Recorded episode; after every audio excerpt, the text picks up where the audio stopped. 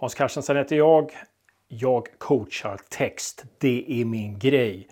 Nu ska jag coacha dig och framförallt leda in dig på vissa spår. Hoppas att det blir till nytta för dig. Men innan vi kör igång så ta och eh, prenumerera. Tryck på den röda knappen här nere. Det är jättebra. Och när jag säger att det är jättebra så menar jag det. Idag ska vi prata om opolitlig berättare.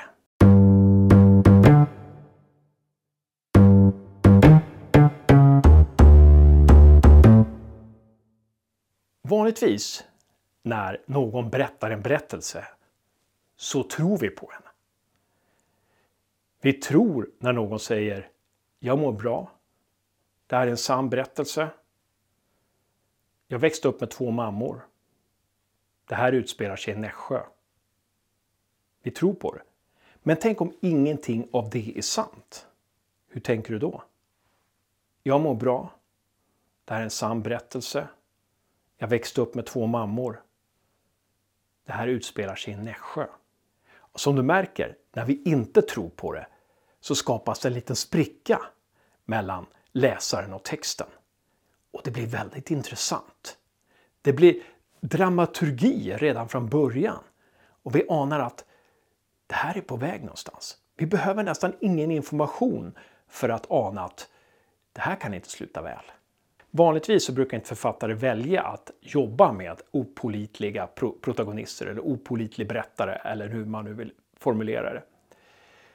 Möjligtvis så kan man jobba med en protagonist som inte känner sig själv så väl. Men under romanens gång så kommer hon till beslut, fattar hon beslut som är bra för henne och så inser hon vissa saker och, och så är hon en helare människa vid romanens slut. Men en opolitlig berättare där vet vi nästan ingenting.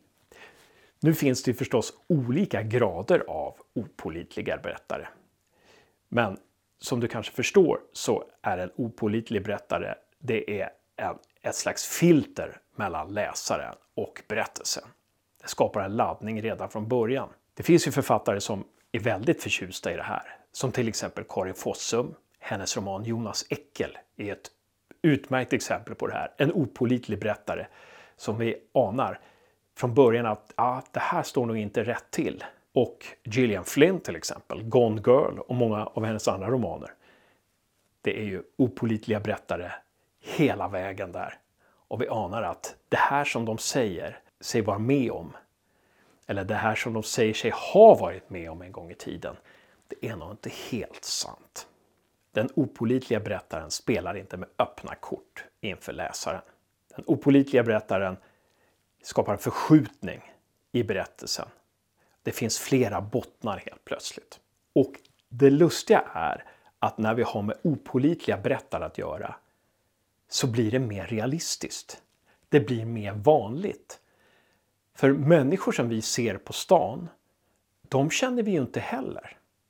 Ja, faktiskt är det så att de flesta människor här i världen känner vi inte. Nu har jag stått här och pladdrat och det är nog bäst för dig, för att förstå det här, är det nog bäst att pröva på att skriva utifrån en opolitlig berättare. Och det finns ju olika nivåer av opolitlighet. Man kan ju till exempel vara opolitlig inför de andra karaktärerna i romanen, men vara pålitlig inför läsaren. Och en sådan karaktär ska du få skriva utifrån i övning 1.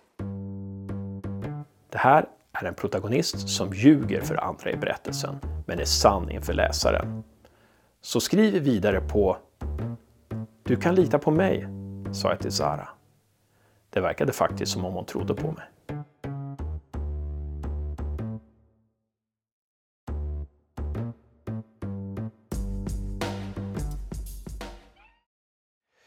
Men det finns förstås andra grader också av opolitlighet.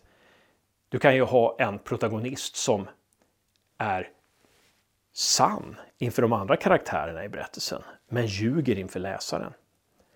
Du kan ju ha en protagonist som ljuger både inför de andra karaktärerna och läsaren. Du kan ha en protagonist som, som delvis talar sanning för läsaren, men ljuger helt för de andra i berättelsen. Som du ser finns det många möjligheter här. Och du ska få testa en möjlighet i övning 2. Här har vi att göra med en karaktär, en protagonist som är falsk gentemot de andra i berättelsen och inte spelar med helt öppna kort inför läsaren heller.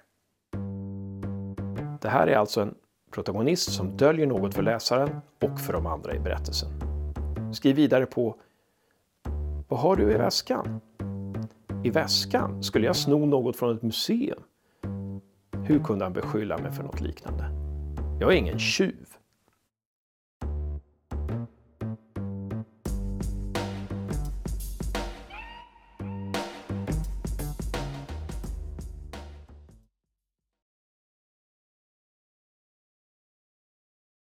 Då har du fått ett exempel på vad man kan göra med en opolitlig berättare. Nu är det bara att testa i ditt eget skrivande. Men det viktiga när du har en sån här berättare eller protagonist är att läsaren någonstans får sanningen berättad för sig. Du behöver alltså ha någon form av sanningssägare som karaktär eller att du förser läsaren med rätt information också ibland. Vi kan ju inte bara titta på ett landskap där det finns bakdörrar överallt och där vi vet varken till eller från. Ja, oftast är det ju bra om de andra karaktärerna i berättelsen då speglar den här protagonisten då och då.